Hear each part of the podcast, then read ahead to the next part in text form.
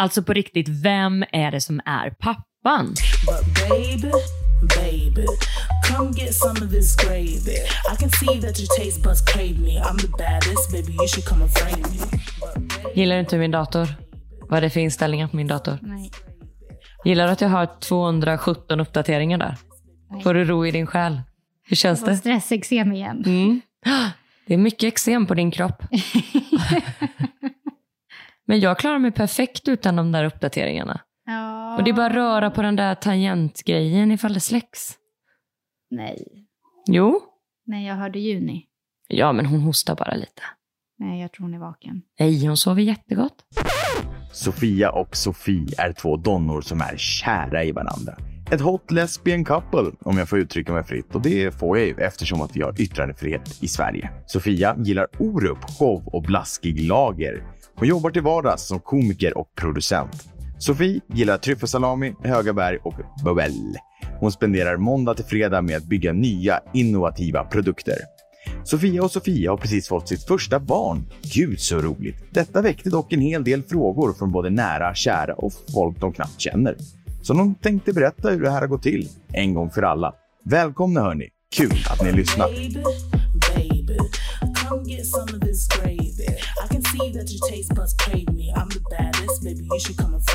Jag är så nyfiken, jag måste bara fråga. Jag hoppas det inte är för påträngande.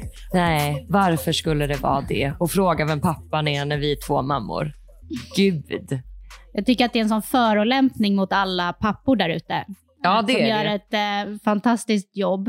Eh, och eh, att då kalla en anonym donator, som då visserligen har gjort den altruistiska handlingen att donera, Ja. eh, ska också få beklä sig den rollen. ja. Som att alla spermier i allas pungar, då är man pappa bara man, man har liksom pluttat ut en sån. Plut, pluttat ut, tycker du det var ett bra ord? Jag vill inte säga spruta ut för att det vet jag att det kommer du tycka är för, för grovt av mig. Så då sa jag putta ut. Nej men det är ju väldigt konstigt om man skulle bli pappa för varje spermie som kommer ur ens kropp. Ja, För det är ju det det är. Den här personen har lämnat det till oss och donerat.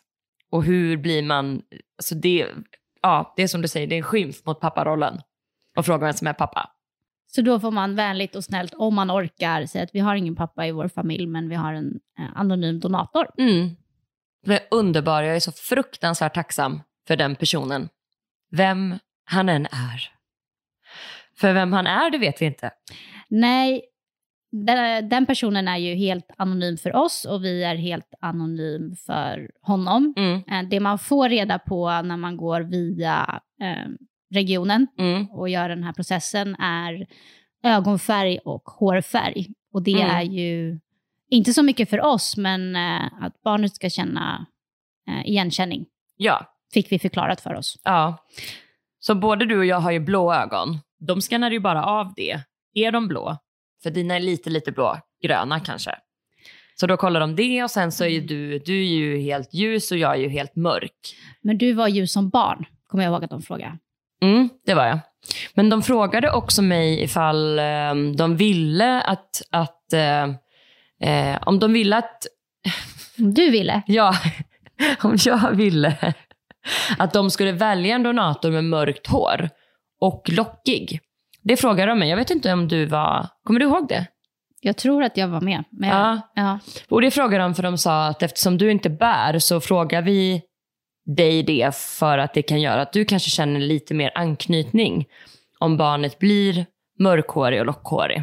Så att är man då som du och jag ljus och mörk så fick eh, jag i alla fall den frågan. Det här kommer inte jag alls ihåg. Nej. Jag har för mig att de var rätt bestämda på att eh, utseendet har inget att göra med anknytningen och att det inte är till för oss föräldrar att få design, utan det är endast till för barnet att eh, känna igen sig. Ja, men precis som du sa nyss med att eh, man kollar ögonfärget för att barnet ska känna en relation, Ja. eller vad, exakt vad du sa, så var det samma sak där. Att de bara skulle vilja, så här, om du känner dig lite mer involverad för att du inte bär, så får du den här möjligheten. Men du kanske inte ens hann höra det för att jag var så, typ avbröt meningen och bara nej, nej, nej, nej, nej, jag vill inte bestämma Ja. någonting. Det får vara vilken donator som helst. Du och jag var ju väldigt, väldigt noga med det. Det spelar ingen roll var donatorn kommer ifrån, hur han ser ut, utan man är bara så tacksam att den personen har valt, tänk att han har valt att hjälpa till. Att Mm. man kan få barn. Det är ju helt otroligt. Så vi var Ja. ju så, vi lyssnade inte ens. De bara, det kan vara gröna ögon, orange ögon. Jag Alltså- tror vi kommer ihåg lite olika här, men det gör vi ju ibland. Ja, och det gör är ju eh, länge sedan och många steg, så Mm. det är helt naturligt. ja. Men vi kan förtydliga då att man alltså inte får lämna in en, en kravlista eh, på vad eh, det här barnet ska ha för egenskaper. Nej, Form av- ingenting. Alltså, det är ju verkligen bara hår och ögonfärg de kollar. Ja, I form av eh, bollsinne eller läshuvud eller långa Men var smala det nu ben. som ville det? Ja, jag vet Ah, inte. jag vet inte. Men det var väldigt fräsch, Ja, fräsch diskussion. Mm. men det ser ju lite annorlunda ut eh, utomlands. Vi Ja, har det gör det. Mm. pratat en del om, om Danmark Ja, och eh, läst på mer. ja, ja. På, eftersom vi inte gjorde vår eh, process där så har vi ju inte så jättemycket insyn i det. Men där kan Nej. man välja lite mer ja. kopplat till sin donator. Ja, där kan du det gäller ju, man kan ju bara googla det direkt hemma. Så här, eh, donator Danmark, så kommer det ju upp eh, profiler. Mm. Det är så, Dejan från Kenya, hudfärg mörk, 33, vill du ha en full length profile så måste du logga in. Och så är det ju bara en radder av namn, etnicitet, hudfärg, ålder och Längd. sen Hade de längd? Längd hade de nog också ja. Ja. Och sen då var man tvungen att punga ut med lite pengar för att gå in på full profil. Mm. Så där är det ju verkligen, eh, jag vet inte vad man kan få reda på där. Och där kunde man ju, om vi såg rätt, vi loggade inte in här då, men att man kan scanna sitt eget ansikte Ja, med eh, face scanning. ja exakt. Det var ju helt sjukt. Man skannar in sig så då och så skriver man bollsin i pannan sådär. Så skannar den så får man allt. Eh, man känner ju att det här skulle potentiellt sett kunna spåra ur om det eh, dras till sin spets. Att liksom kunna Ja. leka gud och sitta och designa barn. Det Ja. blir så långt ifrån den processen som man själv är i, där man är bara så tacksam över att man eh, har chansen att få försöka. Mm. Så att, att det kommer ut ett friskt, förhoppningsvis barn, så är man så lycklig. Så att, ja. Ja, ja, ja, ja. Det blir lite som den här filmen. Vad heter den filmen när de är helt vitklädda och lever i någon sån här eh, rymdrum eh, typ. Och så är det så här, du har vunnit idag. ja. Så får man komma upp Eh, och så... det, är ju Squid Game. Nej, nej, nej, inte Squid nej. Alltså inte den här man har ihjäl varandra för en stor summa pengar. Det här är en jättegammal film och så vinner de sen, du är utvald idag och då kommer de upp och då ser de att de bara är där för att bli en klon av sig själva. För att folk har beställt ett barn med de här egenskaperna. Ah, Det låter som ett eh, avsnitt av Black Mirror, en annan serie Mm. på streamingjätten. Netflix. ah, ah. Ni som lyssnar vet säkert vilken jag menar eftersom det var en sån toppenförklaring om mig. Men det som är lite intressant är ju att eh, för att donera i Sverige så behöver man gå igenom ungefär samma process som vi går igenom i inledningsskedet i alla fall. Ja. Så man eh, får göra en hel liksom, utredning att man är, är frisk och inte har några ärftliga sjukdomar. Man måste vara eh, inom ett speciellt åldersspann. Man Ja. får inte röka, Nej, synd. Eh, Man Jätte. får inte ha för högt BMI. synd, Man ska klara en psykologisk utredning, synd. precis som eh, vi kommer prata om. Mm. Så att det är ganska svårt att bli donator också. Och sen måste man ha en väldigt tydlig anledning till varför man vill donera. Ja, och det är ju donatorerna som det är störst brist på. Ja. Det fick vi också reda på att ehm, när man väl är klar med den här undersökningen och alla möten som, som tog ett och ett halvt år för oss ungefär. Sen är det ju många som har flera år kvar Ja. till att börja med insemination för det finns inte tillräckligt mycket spermier. Så det är ju det som gör att kön växer så himla mycket i andra regioner än just i Stockholm Mm. som vi har gjort det i. För här är det ju, vi kunde ju börja direkt. Sen är det ju upp och ner. Det är inte alltid samma Nej. tillgång. Men vi vet ju att Göteborg är ju en av de högsta nu. Jag tror att första försöket från att man får börja är typ 3-4 år. Det är en lång väntan. Det är en jättelång väntan om man då jämför med ett och ett halvt år Ja, som verkligen. vi hade. Och jag tror att vi hade kunnat komma ner till ett år också kanske. För att vi, hade ju, vi var iväg lite grann några veckor här och var, men ja, inte ett år, men säg ett år och fyra månader kanske vi hade. Men vill du veta vad det sjukaste kriteriet för att få bli donator är? Eh, ja, Att man måste tala svenska. ursäkta. Skämtar du? Nej. Ma- Okej. Man måste tala svenska. Det var den sista punkten på listan efter rökning och lite andra synder. Man måste tala svenska. De har inte orkat översätta sina blanketter då, antar jag. till Nej, men det här, är så jävla, det här är så jävla dumt. Så att om, Mm. om det är brist och folk vill hjälpa till och man är bosatt i Sverige och vill donera, men man pratar engelska, till exempel. Det gör ju ganska många. Mm. Arabiska, finska. Nej, då får man inte, då får man inte donera spermier. Nej. För då är inte de godkända. För att de små spermierna pratar arabiska. Nej, men det här är så sjukt. Jag visste inte detta. Nej. Jag vet inte om det är så på alla sjukhus. Nej. Eh, Men det här var på Akademiska i Göteborg, ligger det va? Eh, ja, det gör det. Mm. Man ser också lite olika spermier tycker jag, när de här finnarna. De simmar lite så långsammare är fulla. Ja, det var såklart det sista kriteriet. Man måste ha bra simmare. Ja, exakt. Liksom. exakt. Man måste vara bra Det simmare, kanske- det är det jag Det menar. kanske borde ha stått högst upp kan man tycka. Ja, det kan man tycka. Och bra simmare, ja. Det känns ju inte som det sitter ihop med språk. Nej. Är du bra på att simma? Nej, jag pratar finska.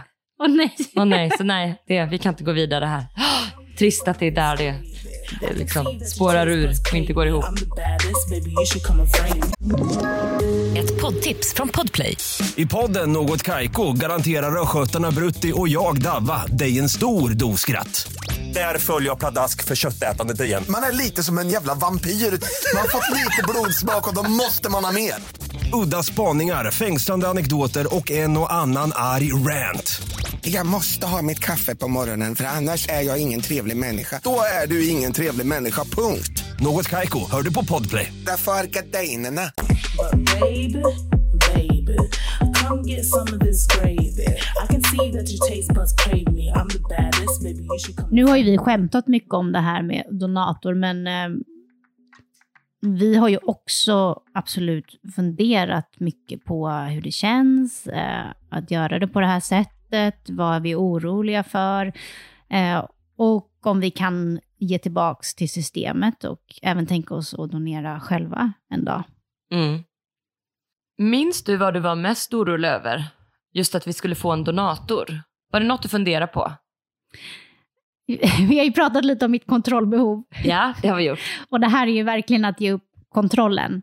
Ja. Å andra sidan, när man väl närmar sig processen, och jag tror också när man liksom mognar i de tankarna, så inser man att det är banala orosmoln Mm, i det ja. stora hela.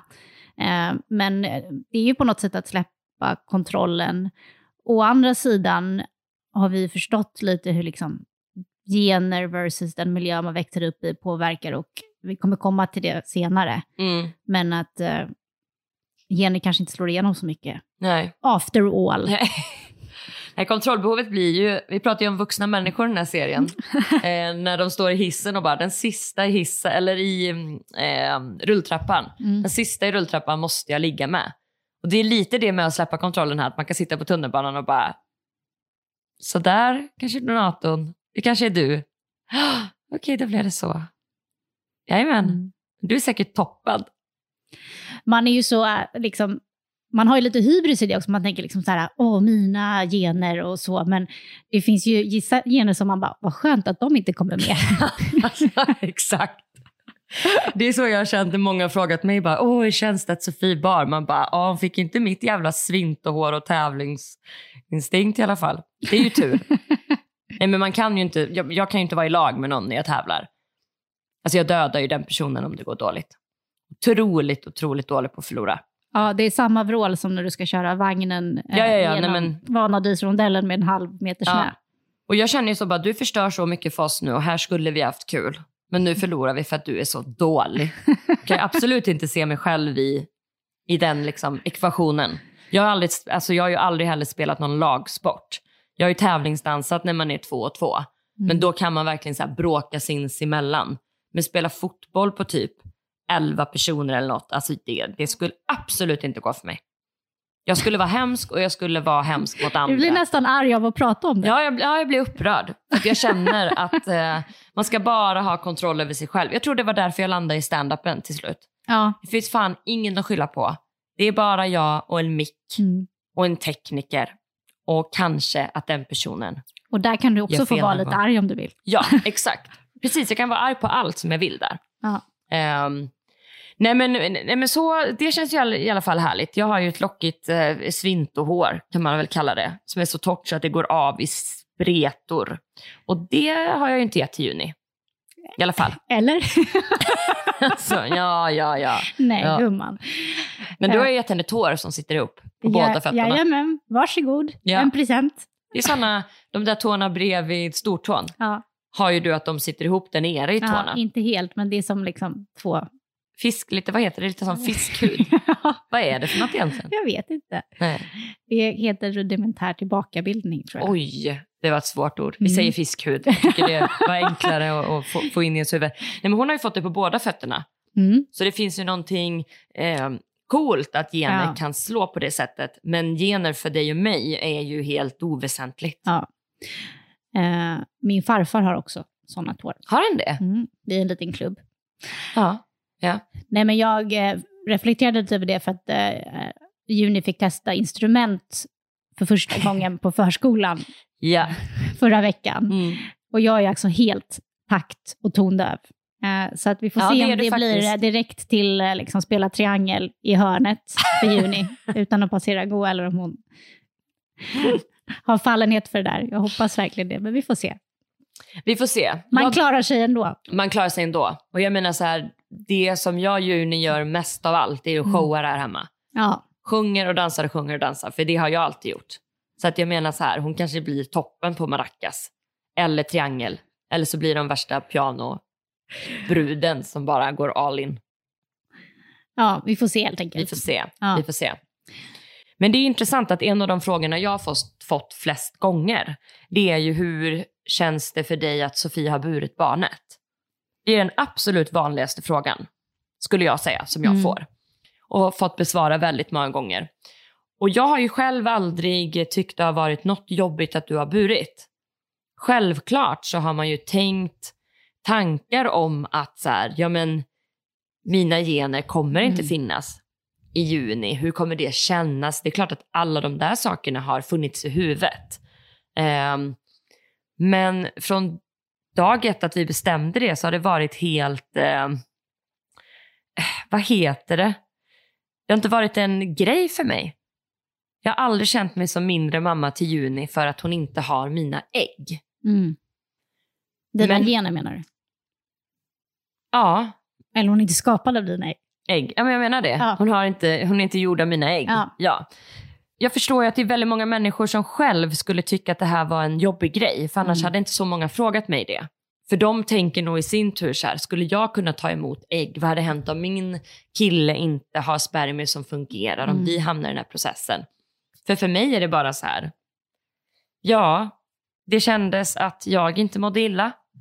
Det kändes att jag inte blev tung och inte kom upp i sängen. Nej men, Ja, nej men du förstår, för mig har det varit en icke-grej. ja. Jag menar, du och jag kunde välja och vi valde att du skulle bära och det var inga egentligen så här, det var ju inga bråk eller tjafs om det.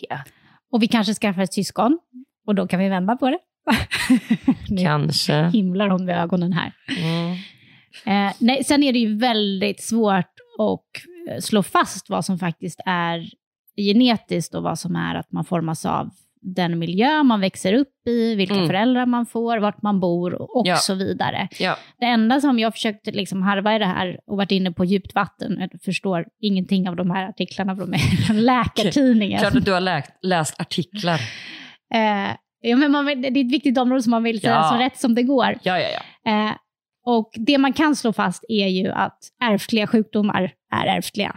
Yes, Shocker. yes shocker. Eh, men allt annat är en ganska komplex ekvation. Okej. För Junis gener kommer ju forma henne som person. Mm, Hon kanske är introvert eller extrovert till exempel. mm, Eh, och det kommer göra att vi som hennes föräldrar och den miljö hon växer upp i kommer anpassa sig efter det. Ja. Så då blir hon ju formad av sin miljö i hur den anpassningen ser ut. Mm. Och samtidigt har ju vi vår genomsättning som formar hur vi är. Och det kommer att forma oss i vårt föräldraskap. Så man kan inte härleda det ena till det andra, för det är, Nej. så många, det är så många olika faktorer att ta hänsyn till, så att det blir en enda stor soppa av det. Ja, det är mycket mer logiskt att det är ju själv, en självklarhet att det måste vara så att det är så många faktorer. Det hade varit helt orimligt om allting en person formades av var det där ägget och den där spermien. Ja. Det blir som en, eh, som, som liksom en hopblandad eh, köttfärssås spaghetti. Det är svårt att härleda vad som är gener och vad som är den miljö man växer upp i. Men många är ju oavsett väldigt intresserade av det här med gener. Och eh, vi har ju pratat om de som ställer många och ibland jobbiga frågor. Men det finns ju också många som inte säger någonting alls för att man är rädd för att säga fel eller göra ett övertramp eller liknande. Ja, verkligen. Det är lite som när man ska träffa, typ när jag skulle träffa dina föräldrar första gången. Man är så jävla nervös vad man ska säga. Eller första dagen på jobbet när man bara, hej hej, Sofie heter jag. Man är så himla tråkig. Ja, Alltså jag kommer ihåg när jag började, jag pluggade ju i eh, Piteå i fem år. Kommer dit, känner ju ingen. Sitter i min klass och bara tänker så här, alla är så tråkiga, ingen säger någonting. Så ringde jag hem till mamma och berättade det här och hon bara, men eh, hur mycket sa du då? Jag bara, det har väl ingenting med saken att göra, typ. Men det är ju för att man är rädd för att eh, säga fel saker och inte vara tillräckligt rolig. Jag tror det är det. Och sen att man är, man kanske inte tror det, men jag är ändå ganska privat av mig. Alltså jag ger inte så himla mycket direkt. Utan jag tar ut all min privatisering tänkte jag säga. På standup-scenen, där blir jag mycket mer privat tror jag. Eller personlig. ja. Ja, ja. Nej, men det som du sa med att folk inte eh, vågar fråga, det är ju väldigt viktigt att poängtera här. Vi pratar ju väldigt mycket om eh, att man inte ska fråga och att det kan vara jobbigt och sådär, men det är ju många gånger också okej. men det beror på hur man frågar saker. Man märker ju direkt om någon frågar för att den är nyfiken och inte vet, än, alltså det är väl inte så många som vill provocera, men det blir ju lite konstigt att fråga vem är pappan? ja, jag tror bara inte att man, man kanske tänker sig för, men en liten cheat sheet här då är ju att fråga vem som, alltså hur, här, om man vill referera till den här personen så kan man kalla den donatorn. Ja. och inte för mamma eller pappa. I Nej, det är den här- toppentips. I den här äh, typen av regnbågsfamiljer. Mm, verkligen. Där det syns att man har haft med en donator för att Mm, det ska ha blivit barn. ja. Och sen kan man också bara säga grattis och stanna där. Även om man är nyfiken. Ehm, så kan man berätta så småningom. Och det blir också bra på hur väl man känner varandra. Mm. Ja, jag kanske inte frågade dina föräldrar direkt. något Hur så jag blev till. Hur du blev till. det väntade jag med, men nu har Och när jag ju frågat det. efter sådana samtalsämnen i... Exakt, man bara, "Ah, är det någon som gillar tennis? Kanske jag kan ställa en fråga om det. Så är det alltid när man sitter i digitala möten på jobbet. Ju, Ah. fler, ju fler människor det är i mötena, desto eh, svårare är det med small talk. Ja, alltså jag hatar small talk, men jag är ju sämst på att mingla också. Alltså mingla runt och vara social med folk som jag inte känner väl, det tycker jag är hemskt. Så jag är inte heller någon small talker. Du är ändå ganska bra på det. Ja men tack. Tack. Mm. Men allt man är bra på tycker man inte är kul. Nej, Nej. sant. Ett poddtips från Podplay. I fallen jag aldrig glömmer djupdyker Hasse Aro i arbetet bakom några av Sveriges mest uppseendeväckande brottsutredningar. Går vi in med hemlig telefonavlyssning och, och då upplever vi att vi får en total förändring av hans beteende. Vad är det som händer nu? Vem är det som läcker? Och så säger han att jag är kriminell, jag har varit kriminell i hela mitt liv men att mörda ett barn, där går min gräns. Nya säsongen av Fallen jag aldrig glömmer på Podplay. Men jag gick ut och försökte hitta lite statistik på hur, hur det här ser ut. kopplat till liksom, gener och attityder för att det är väldigt intressant. Och det finns väldigt lite. Och eh, den mesta liksom, forskningen och studier gjorda på heteropar som har tagit hjälp med att donerade spermier eller donerade ägg. Mm. Och där verkar det finnas tydliga skillnader mellan män och kvinnor. Eh, Vad, vad menar du då? Män tycker att det är mycket viktigare med gener än vad kvinnor eh, tycker. Vad sitter det i? En så, testosteron, slå sig på bröstet. Det här är min... Det är kanske eh, någon uråldrig evolutionsgrej att man liksom ska föröka sig för att liksom, eh, öka stammens storlek, Ja. tribe. Mm. Eh, kvinnor var också i mycket högre utsträckning villiga att eh, berätta om sin process. Och hur det hade gått till. än- Mhm. än män. Men det, det känns ju också, mm, det har ju blivit bättre men Ja. det sitter väl lite ihop med det här med att eh, män pratar ju inte lika mycket med varandra. Alltså de Ja. kommunicerar inte lika mycket som kvinnor gör. Alltså kvinnor pratar ju mer om saker, Ja. generellt sett såklart.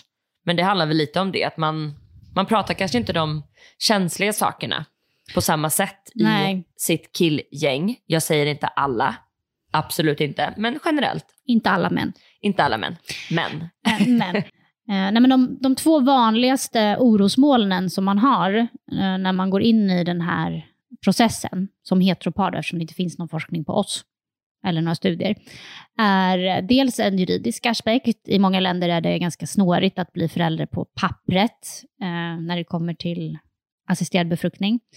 Det har ju blivit avsevärt mycket bättre i Sverige, även om det finns room for improvement. Ja, verkligen. Och det kommer vi prata om längre fram. Ja.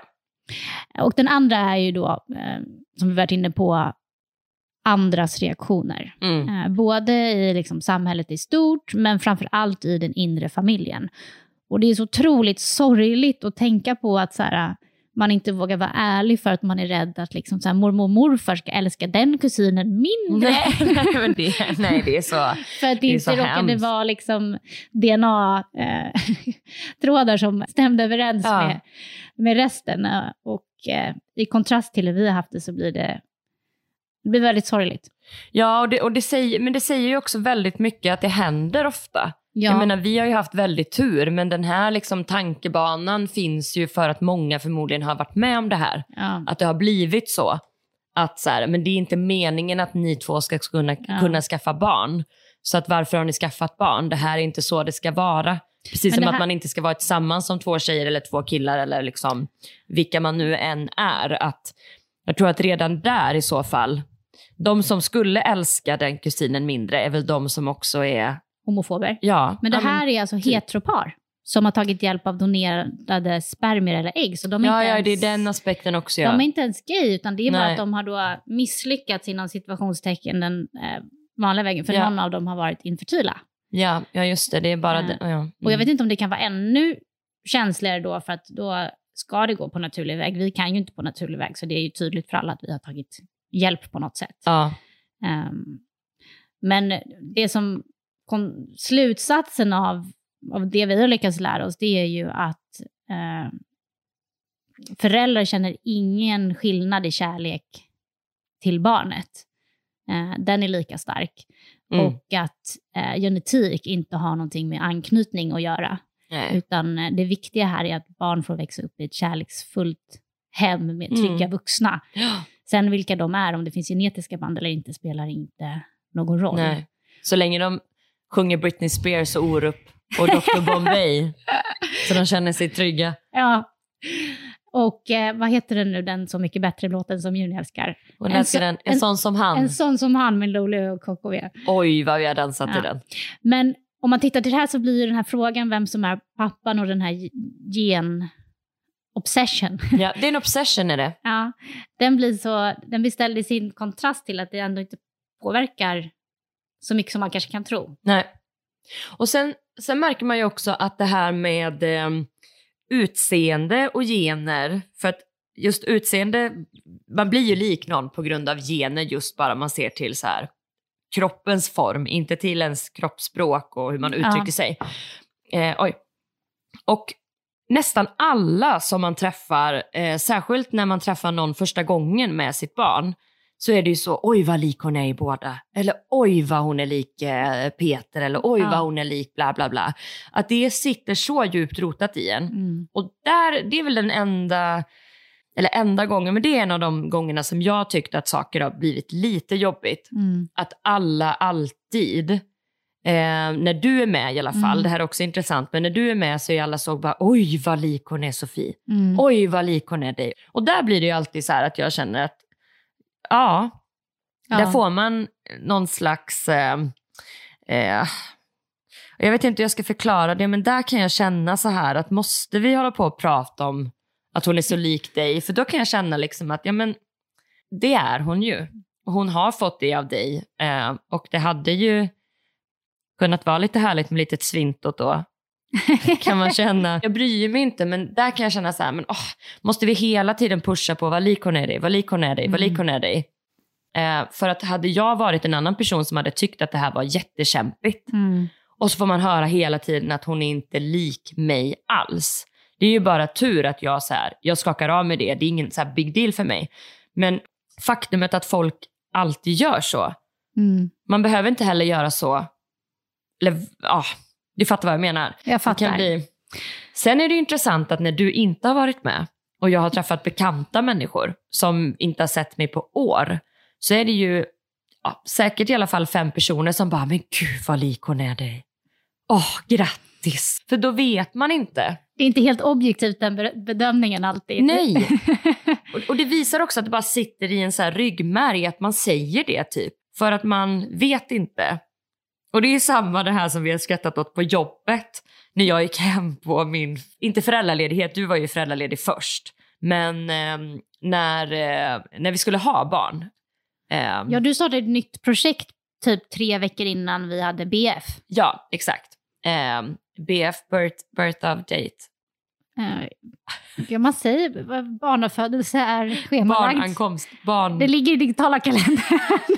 Alltså, ja men BF då, när hon ska ploppa ut. ja, Det var verkligen plopp. ja. Ehm, nej men då gick jag ju hem från jobb, eller jag skulle börja ett nytt projekt, ja precis. Och då sa jag till dem att så här, men jag kan ta det här jobbet men Mm. om tre veckor så ska jag ha barn, så att ni vet det.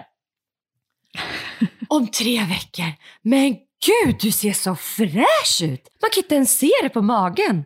Man bara, tror ni på riktigt att jag är i nionde månaden och ser ut så här? Alltså, det blir också helt bara så här, det blir helt kortslutning. ja. Så himla fräsch. Ja, gud vad du är fräsch. Men wow! Nej, det, ja, man bara, alltså for real. Om man träffat en kvinna som ska föda om tre veckor så vet man att det är eh, svårt att missa. Alltså okej, det finns några sådana man har läst om där barnet har växt inåt typ. Ja. Men vad är det? En på Också miljarden? skönt om du hade fött, varit borta tio dagar och sen varit tillbaka på jobbet. Ja. The American way. Ja.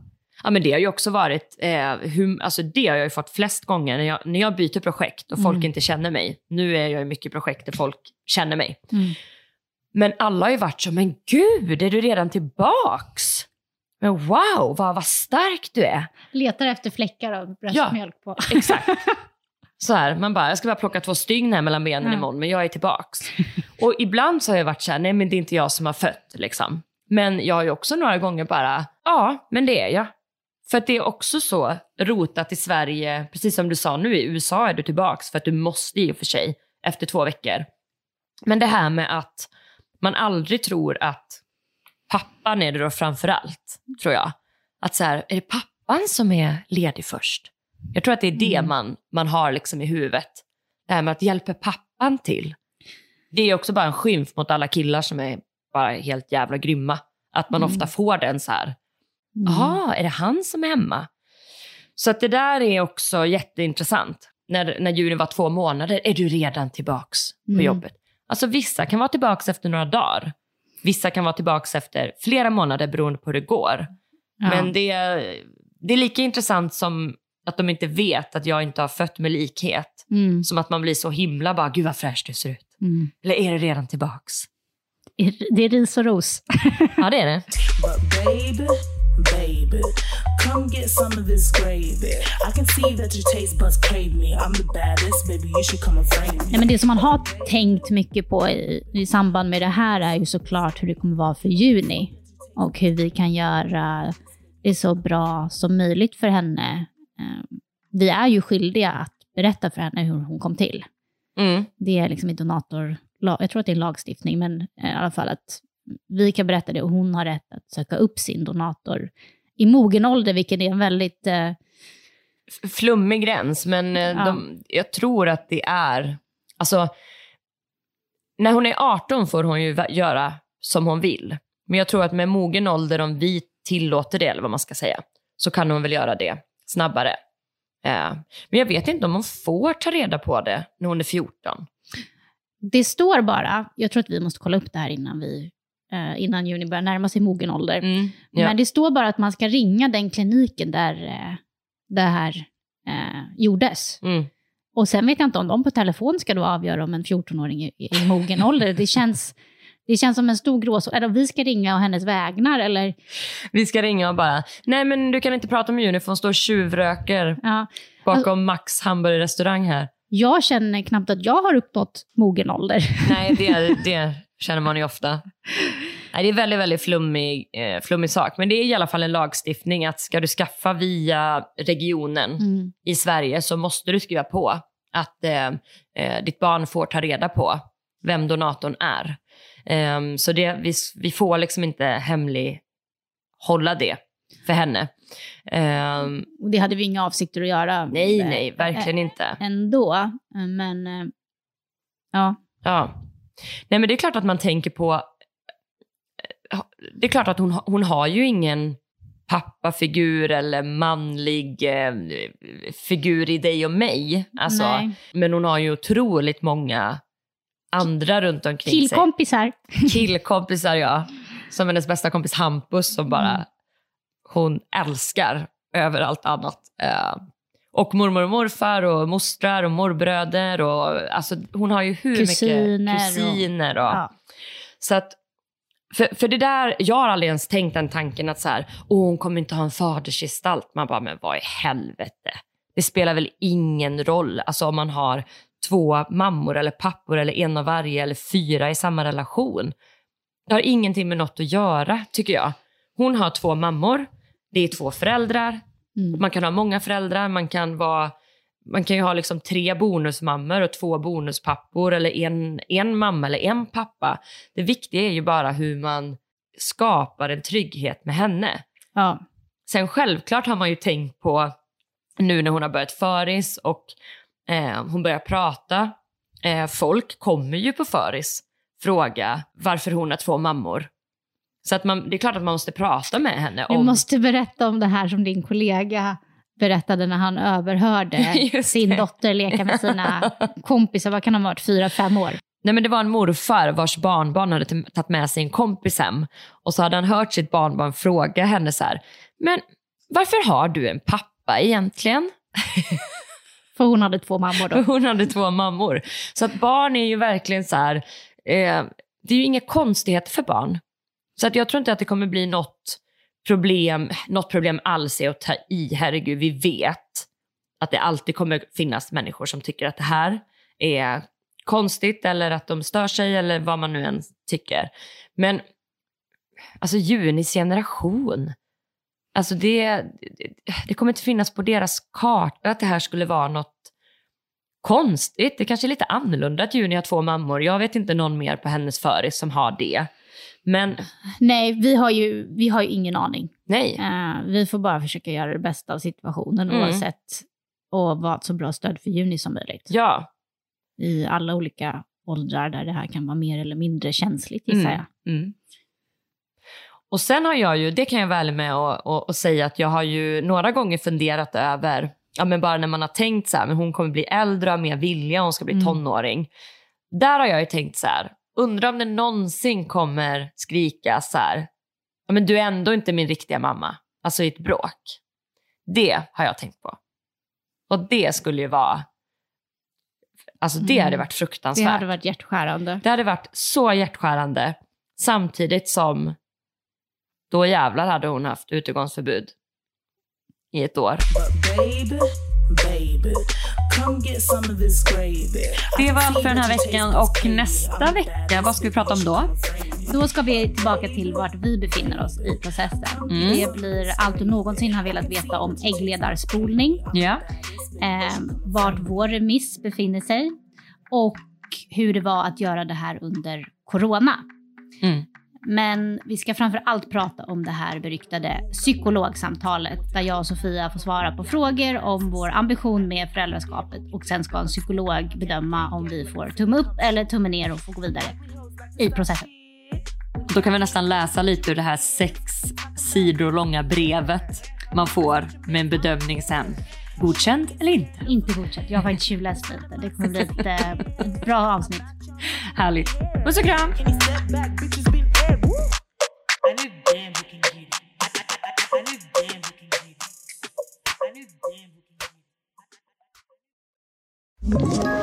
Ett poddtips från Podplay. I podden Något Kaiko garanterar östgötarna Brutti och jag, Davva, dig en stor dos skratt. Där följer jag pladask för köttätandet igen. Man är lite som en jävla vampyr. Man har fått lite blodsmak och då måste man ha mer. Udda spaningar, fängslande anekdoter och en och annan arg rant. Jag måste ha mitt kaffe på morgonen för annars är jag ingen trevlig människa. Då är du ingen trevlig människa, punkt. Något Kaiko, hör du på Podplay. Därför är gardinerna.